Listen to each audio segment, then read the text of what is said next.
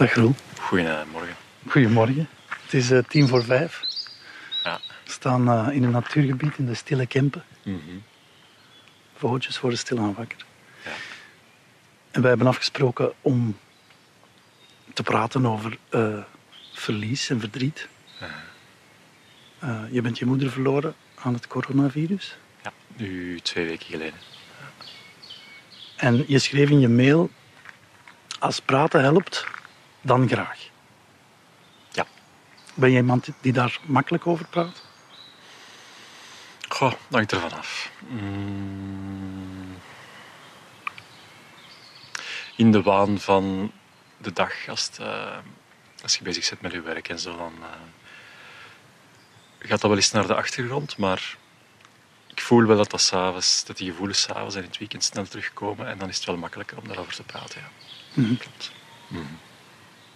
Zullen we vertrekken? Ja, is goed. Oké.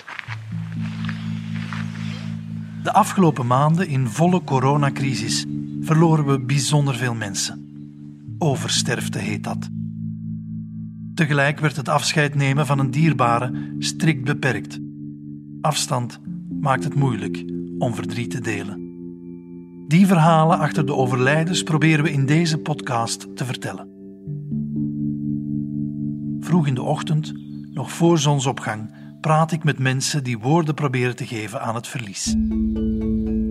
In de hoop dat met de zon ook echt een nieuwe dag kan aanbreken.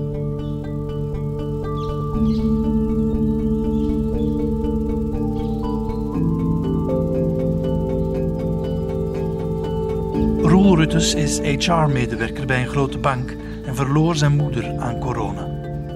Door de lockdown in haar woonzorgcentrum en doordat hij om de week alleen leeft, is zijn rouwproces bijzonder intens. Van ontreddering tot grote dankbaarheid. Ik stap met Roel door de bossen van Westerlo. Ik ben Johan Terrein. Dit is het Uur Blauw.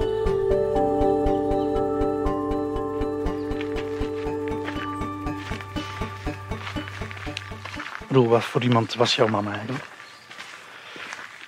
Uh, ons mama was een heel uh, levenslustige vrouw. Uh, eigenlijk toch wel alles behalve een grijze figuur. En dat horen we van alle kanten eigenlijk van mensen die haar gekend hebben. Het was een juf die ja, haar energie haalde uit heel kleine dingen in het leven. Uh, vogels die zongen, of uh, muziek op de radio, of koken, of ja, haar kinderen en haar kleinkinderen. Wat is er dan precies gebeurd? Uh, wel, zij zat in een rusthuis in Tervuren en uh, dat ging dus dicht. Hè. Vanaf, uh, wat is dat nu, weer begin maart, in lockdown om het coronavirus buiten te houden. En dat was voor ons kinderen, dus we zijn met drie thuis. Um, we hebben in die periode eigenlijk weinig contact met haar gehad, omdat ze ja, motorisch ook niet meer goed in staat was om te telefoneren. En dan hebben wij nu drie weken geleden gehoord dat ze besmet was uh, en dat, uh, dat ze zuurstof kreeg. Ja, en dan is ze eigenlijk na op en al vier, vijf dagen overleden. S morgens vroeg. Hebben jullie haar nog kunnen zien?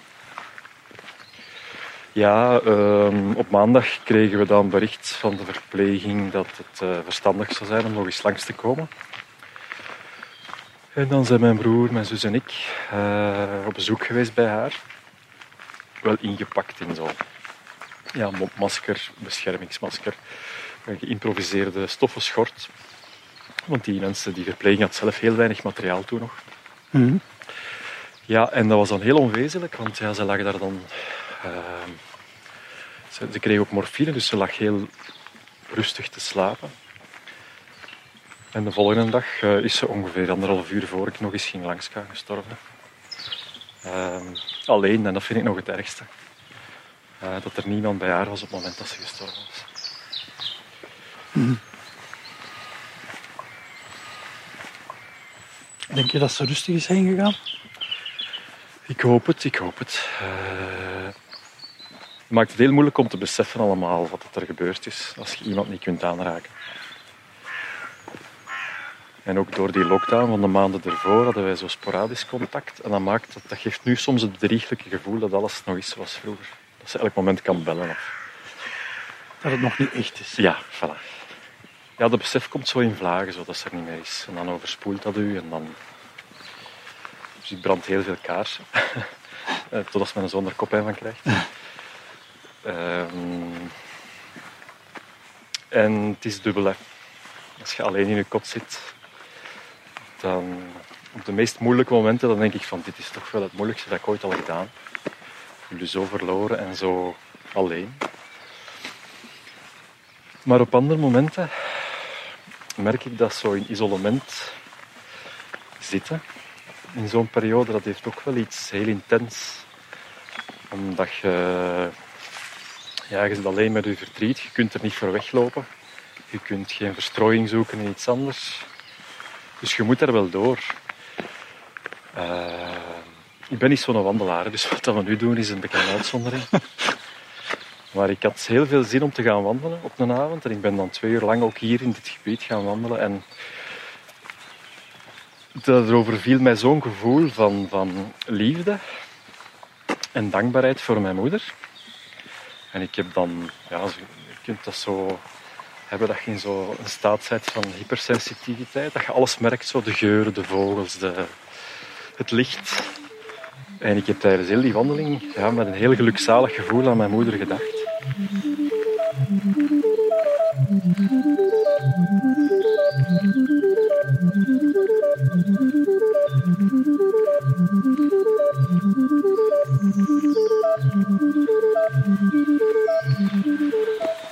Wel dat het uh, de eerste weken uh, wat draaglijker maakt. Uh, ja, en ik hoop ook dat, ik vooral dat ga onthouden. Hè. De, de, warme herinneringen en de dankbaarheid. misschien nog wat vroeg om dan nu te zeggen dat dat verdriet gaat vervangen.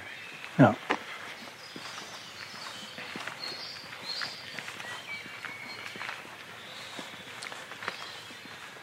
Je zei dat het heel alleen voelde. Ja, ja. Ik woon eigenlijk niet direct in de buurt van mijn zus en mijn broer. Uh, plus ik woon ook om de andere week alleen. En ja, dat is toch wel pittig. om zo alleen te zijn na een overlijden van je moeder. Uh, ik denk dat je dat niet kunt beschrijven aan iemand wat, er, wat je dan meemaakt. Hoe alleen en hoe verloren en hoe ja, nietig dat je je dan voelt.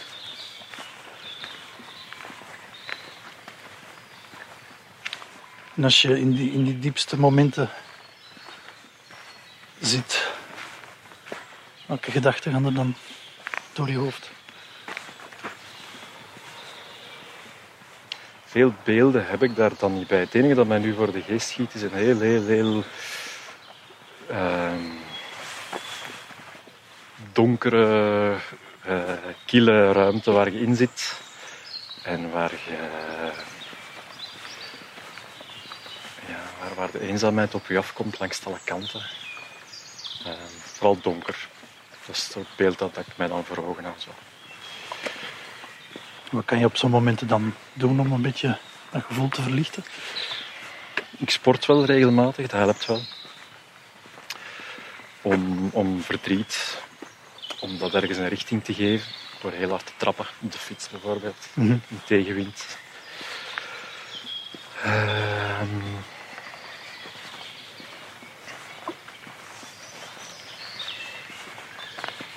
Ja, je kunt niet veel doen. Liggen in de zetel en naar een kaars kijken. En, uh... Zijn er nog momenten dat je verwacht dat ze er nog is? Ja, ja want uh, het had de gewoonte, uh, ons moeder, om regelmatig te bellen op een bepaald uur s'avonds. Meestal was dat rond tussen zeven en negen. En als er nu nog iemand belt, dan is mijn eerste reactie nog altijd, ah, dat is ons moeder. En dan duurt het even voor ik door heb dat dat niet meer kan. Ja. Wat, zou jou kunnen helpen om, uh, om het echt te laten worden? Uh, wat mij sterk geholpen heeft, is om haar graf te zien. Ja. Dat was eigenlijk bij mij de eerste keer dat ik, ik het mij naïef noem, hè, want ik besefte wat, ah verdorie. Ehm, dat is haar naam op, die, op dat plaatje. Ja. Dat betekent dus dat ze daar ligt en niet meer in haar bed. En dus is dat toen heel hard binnengekomen van... Het enige eh, rare was... Onze, ons moeder was gecremeerd voor de begrafenisdienst, dus ze kwam eigenlijk terug in een urne. Mhm. En als moeder, moet je weten, was een redelijk volumineuze vrouw.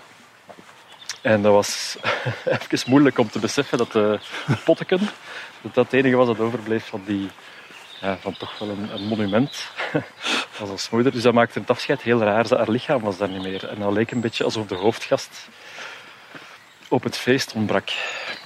Dus het was een mooi afscheid, maar ook weer, ja, ik voelde, ze was er niet bij op, op de manier waarop ik ergens gedacht had dat ze er ging bij zijn.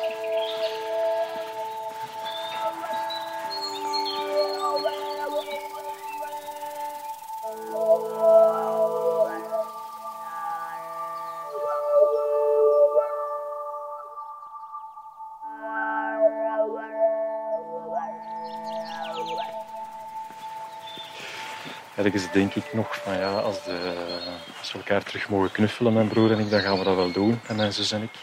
Dus dan gaan we die schade inhalen. Maar ja, het is eh, onwezenlijk. Zijn jullie close met elkaar?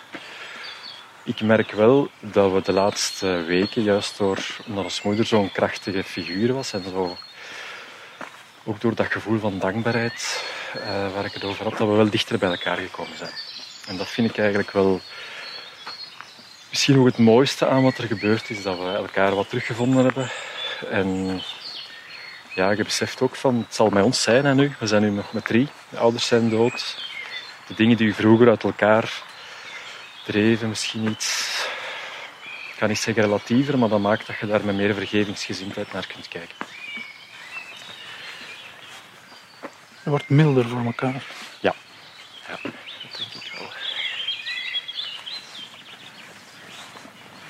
Vorige ehm, week moesten, moesten we met ons drie de spulletjes gaan ophalen van eh, ons mama in het rusthuis in Tervuren. En ehm, die spulletjes waren klaargezet op de ondergrondse, in de ondergrondse parking van het rusthuis. Eh, op een aantal vierkante meter. In dozen, in, eh, haar kleren waren in, in vuilzakken gedaan. En dat was... ehm, van het moment dat ik dat zag, van, dat is het dus. Wat er overblijft Dat van blijft leven. erover van een mensenleven. Dat, dat ik sindsdien wel, want ik ben nogal een piekeraar op dat vlak, voel ik voor mezelf bezig ben van ja, maar ja, nee, dat is... Haar leven heeft op zoveel vlakken iets betekend. Wat is dat dan juist? En wat heeft ze dan, wat heeft ze dan nagelaten? En waar stond ze dan voor? En welke, welke, welke steen heeft zij kunnen verleggen? Ehm, tijdens de jaren dat ze hier was. Daar, daar denk ik vaak aan. Niet dat ik direct antwoorden heb, maar... Ja, ik heb toch wel zwarte sneeuw gezien. Thuissituatie was niet gemakkelijk. Onze vader was niet de gemakkelijkste mens, om het zacht uit te drukken. Ehm, en toch heeft ze, heeft ja, die stormen doorstaan. En is ze blijven. Ons moeder is bijvoorbeeld nooit verbitterd geweest. Of nooit... ehm, en dat vind ik misschien nog ja, de strafste prestatie van haar. Dat ze ondanks alles de zon bleef zien. Hoe is het juiste woord? Hedonistisch bestaat dat? Zo levensgenietend. Ja. Hm? Bijvoorbeeld, ze heeft heel haar leven intens gerookt. Met veel goesting. En ook graag een glas gedronken. En ja, dus die, die kant van haar staat me wel bij. Van ja, je moet van het leven genieten. Kijk, een vos. Mooi, Ja, hè? mooi. Ja. Het is de eerste keer dat ik dat hier zie. Ja.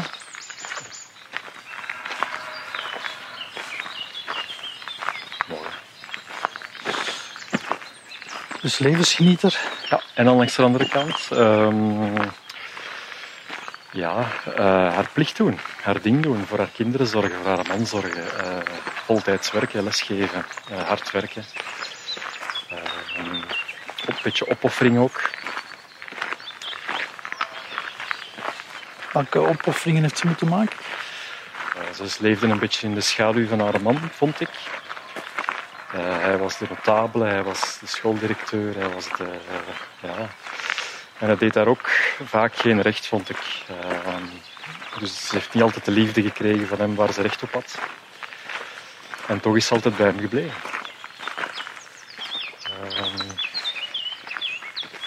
Vergat ze zichzelf soms een ja, beetje? Ja. ja. Ja. Gelukkig had ze dan nog haar sigaretten en sociaal contact. Om te herinneren aan wie ze was. Maar ja, het was dubbel. Ze vergat zichzelf heel vaak. Ja.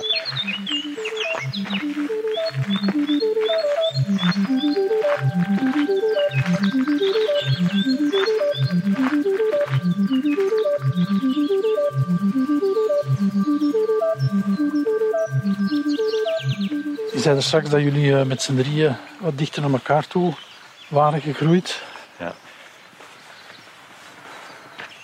Komt dat je mama daar eens voor moeten overlijden? Um... Dat is een hele goede vraag. Uh...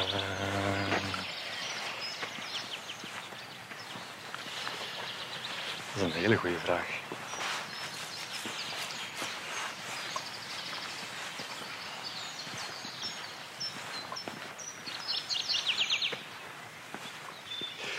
Denk dat het iets te maken heeft met hoe je ehm, als kind terugkijkt op je verleden. En als je als uh, broer en zussen daar op dezelfde manier naar terugkijkt, hè, dat je je, verleden op eenzelfde manier ziet, dan creëert dat verbinding. Evengoed als je je verleden eigenlijk op een andere manier ziet, dan creëert dat afstand. Zeker na het overlijden van mijn vader. Wat daar gebeurde was dat we eigenlijk een andere visie hadden op hoe dat wij grootgebracht zijn en hoe dat wij Misschien hebben wij ook een iets andere jeugd gekend, wij drie. Maar dat creëert een, een gigantische afstand, omdat ja, je identiteit is, hangt een groot stuk af van hoe dat je jeugd herbeleeft. Hè. Ja. En als je dan niet bij machten zet om elkaars jeugd te zien of te interpreteren, dan staat je heel ver van elkaar. En ik denk doordat ons moeder gestorven is, dat we het alle drie wel heel erg eens zijn um, dat ze een prachtfiguur was. En dat we heel veel aan haar te danken hadden. En dat stuk gemeenschappelijk verleden, dat brengt u veel dichter bij elkaar.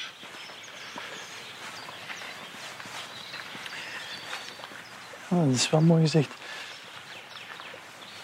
Dus hoe, hoe, anders je kijkt naar je jeugd, hoe meer afstand dat er komt. Ik denk dat wel tussen, tussen broers en zussen, ja. ja. En kan je nu zien dat jullie misschien inderdaad wel een andere jeugd hebben gehad? Of dat het anders is geweest voor elk van jullie? Uh, ja, dat denk ik ook. Omdat er nog wel grote leeftijdsverschillen tussen ons zijn. Uh, en dus mijn ouders dan ook wel door verschillende periodes gegaan zijn. De een al moeilijker dan de andere. Jij bent de jongste? Ik ben de jongste, ja. ja. En hoe kijk jij naar je jeugd dan? Materieel kwamen wij niks tekort. Hè. We hebben uh, middenklasse gezien, onderwijzers, dus we hadden alles. Uh, op gevoelsvlak, ik voelde mij als kind toch vaak onveilig thuis. En dat is iets dat je ja, als kind eigenlijk niet wilt meemaken. Hè. Nee. Uh, dat kwam vooral, vooral door mijn vader, die eh, redelijk onvoorspelbaar was op dat vlak. En, en vooral ja, heel erg de sfeerbepaler was thuis. En die kon, die kon heel... Uh, ja, die kon heel boos worden op iedereen die in zijn buurt kwam. En als kind kruipt je dan natuurlijk wel uh, weg. Hè. Ons moeder die ving dan de meeste, de meeste klappen op. Figuurlijk dan, hè. Ik denk niet dat hij haar ooit uh, geslagen heeft. Het was wel een harde man als ik het zo hoor. Uh, het was een, een, zwaar getormenteerde man, denk ik. die eh, met zijn eigen demonen zat, maar die dat dan ook niet kon uiten of daar niet. Ja, er zat met, die zat met veel in de knoop. En dat maakte dat hij naar zijn kinderen toe en naar zijn gezin uh, ja, geen, geen aanwezige, geen warme en geen sterke papa of partner kon zijn. Alhoewel het hij dat wel vaak probeerde, hè, maar ja.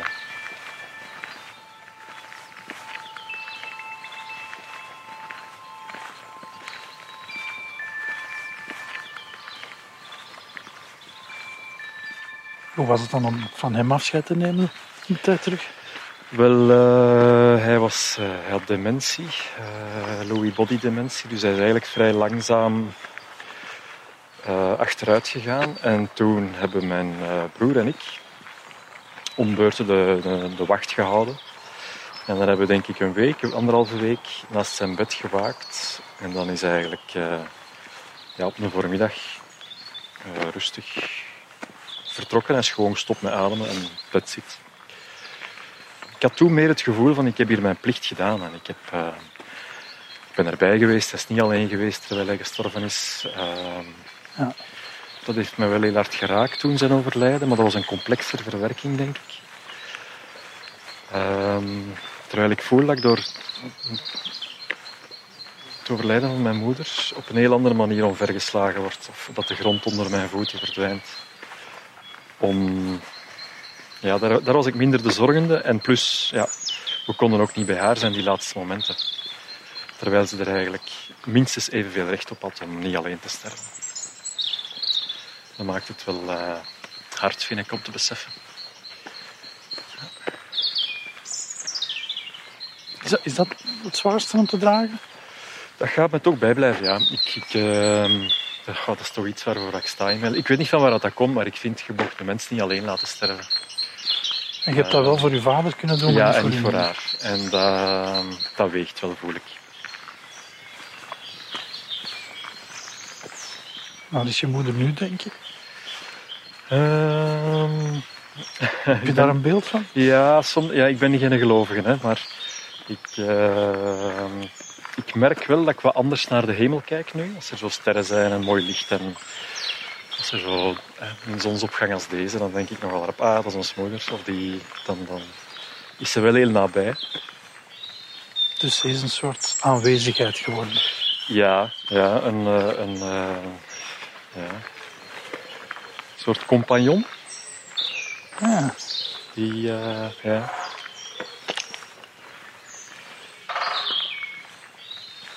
Is ze nu mee aan het wandelen, denk ik? Ja, voor een stuk wel. Ik voel haar wel dikwijls uh, erbij. Ja.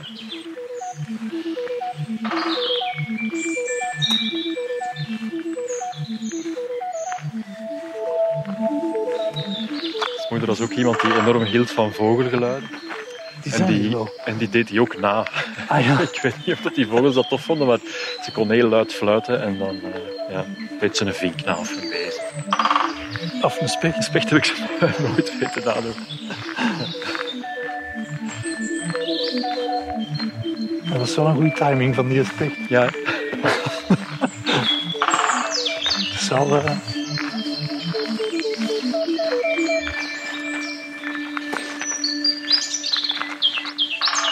En is je moeder nu verenigd met je vader? Uh, dat denk ik niet. Ik denk dat ze... Uh, in mijn beleving uh, heeft ze die mens heel graag gezien. En hebben ze ook hun jaren samen gehad. Maar is ze nu uh, ergens anders. Zonder kunnen, zonder, zonder spijt, maar ook niet, niet dicht bij hem, denk ik.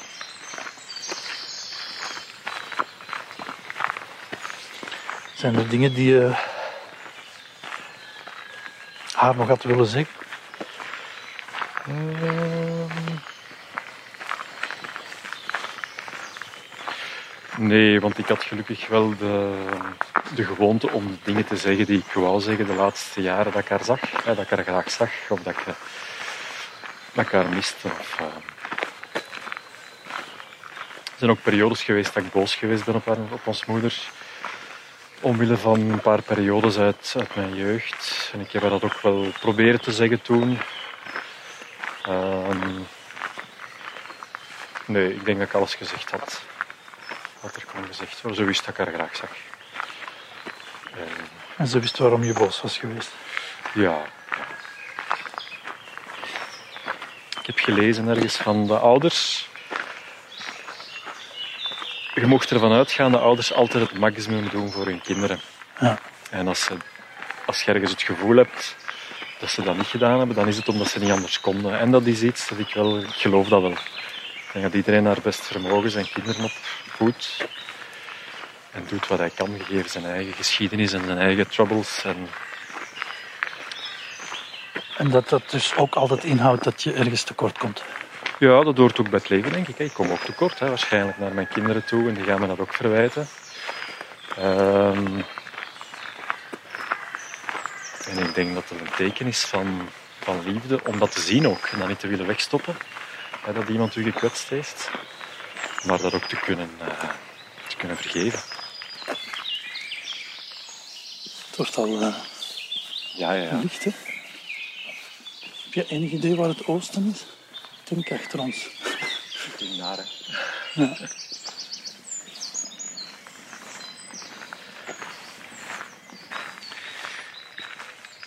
Wat mij een beetje opvalt, Roel, is je spreekt met hele grote dankbaarheid. Hè? En toch spreek je ook van ja, de grond die onder je voeten wegzakt. Ja, maar je hebt wel gelijk. Het is een heel, heel dubbele gevoel. Van ontreddering en dankbaarheid.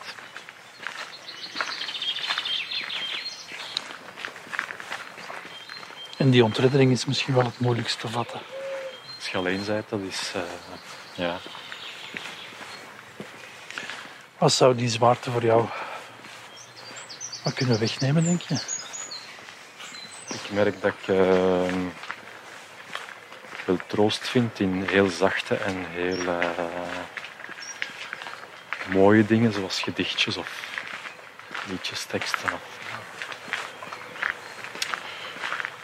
ja, simpele dingen, de warmte van de zon of de, de natuur. Natuur is iets dat heel erg troost nu, vind ik. En dat is iets dat ik ook niet verwacht had. Ja.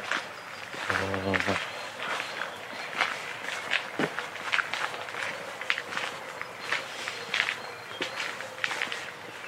Het zijn eigenlijk dezelfde dingen waar je mama ook van genoten. Ja, ja, inderdaad. Klopt.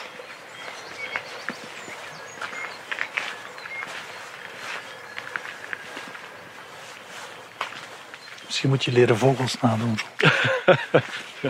Een goed idee.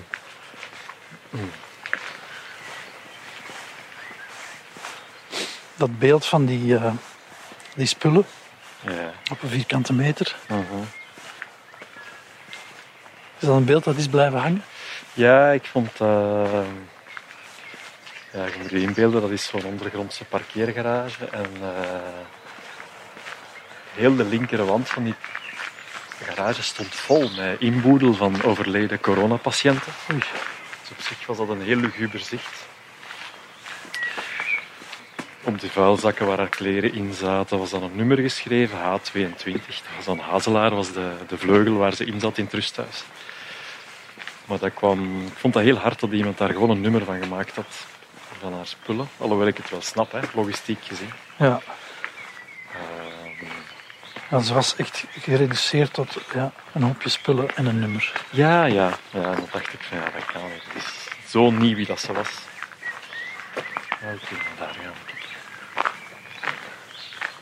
Is hier ergens een bankje of zo? Ja, dat zou kunnen. We kunnen kijken? Ja.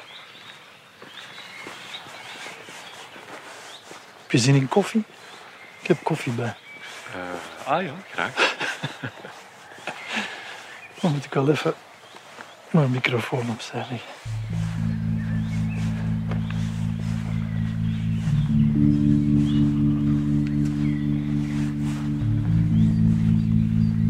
Als ik kan helpen. Eh, maar ja, misschien wel.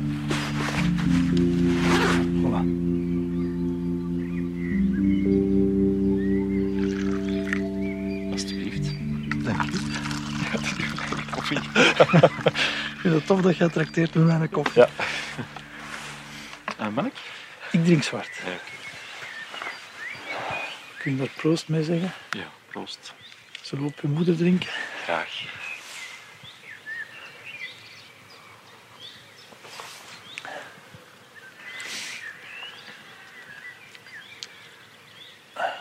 Hoe zouden we dat beeld van die achtergelaten spullen en die nummer kunnen vervangen? Als we nu een ander beeld mogen maken, dat je, dat je zelf mag samenstellen. Ja, ja, ja. Ehm, Wat staat er dan op? ik zou... Het gaat mij precies vooral om die kleren. Omdat die zo weggemoffeld waren in een zwarte zak. Ik zou die dan aan een, eh, aan een grote waslijn hangen in de, in de zon bijvoorbeeld. Want zij droeg heel veel kleurige spullen. Met bloemetjes. En, eh, en dat lijkt mij een veel mooier zicht om die, die kleren wat ja, lucht te geven en ruimte. Ja. Dus het beeld van een waslijn Ja. in de zon, met daar kleren. ja. En de zon die dan een beetje door de stof speelt. Zitten er ook vogels in de foto? Eh, ja, zeker. Hè. Ja, ja. Welke? Welke kon ze, kon ze goed nadoen? Ah, wel, die... ehm, Vink. Zijn niet Vink? Ja? Vink, Ja. Vink. Suske Wiet, dat ja, ja. dat dat kon ze heel eh, enthousiast nadoen. en die zaten er ook veel vroeger. Maar zet een paar vinken op de waslijn misschien. Ja, dat is een goed idee. Zie je het voor ogen? Ja, ja. Dat is misschien een iets troostender beeld Ja, dat is waar. om bij te houden. Cool.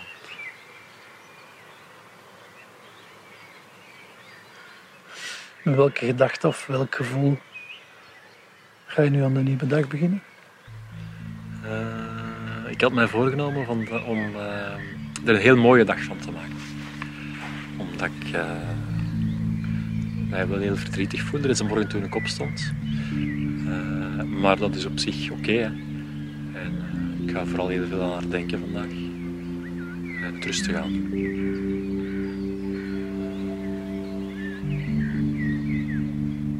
Dat is ook het voordeel van, van lockdown. Er zijn eigenlijk geen, geen activiteiten of geen eh, plaatsen waar je verplicht naartoe moet en die u weghalen uit uw verdriet of uit uw rouw. En dat geeft wat rust. Zo.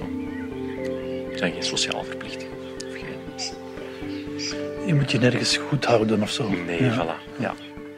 Op zich ben je wel fan van de lockdown. Het heeft zijn voordeel. Ja. Ja. Ook in het rouwen. Ja, ja, ja, zeker. Ik had het niet verwacht, maar het is wel zo. Het niet moeten en het niet eh, de tijd mogen nemen.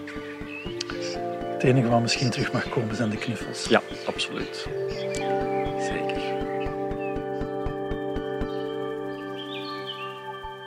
Volgende week vertelt Aniek Weijers over de storm die in het woonzorgcentrum losbrak, waar ze op de COVID-afdeling bewoner na bewoner zag sneuvelen. En over hoe ze ondertussen haar zus verloor aan kanker. Deze podcast wordt gemaakt in samenwerking met De Morgen en Humo. Wil je reageren? Dan kan dat via de Facebookpagina van het Uur Blauw.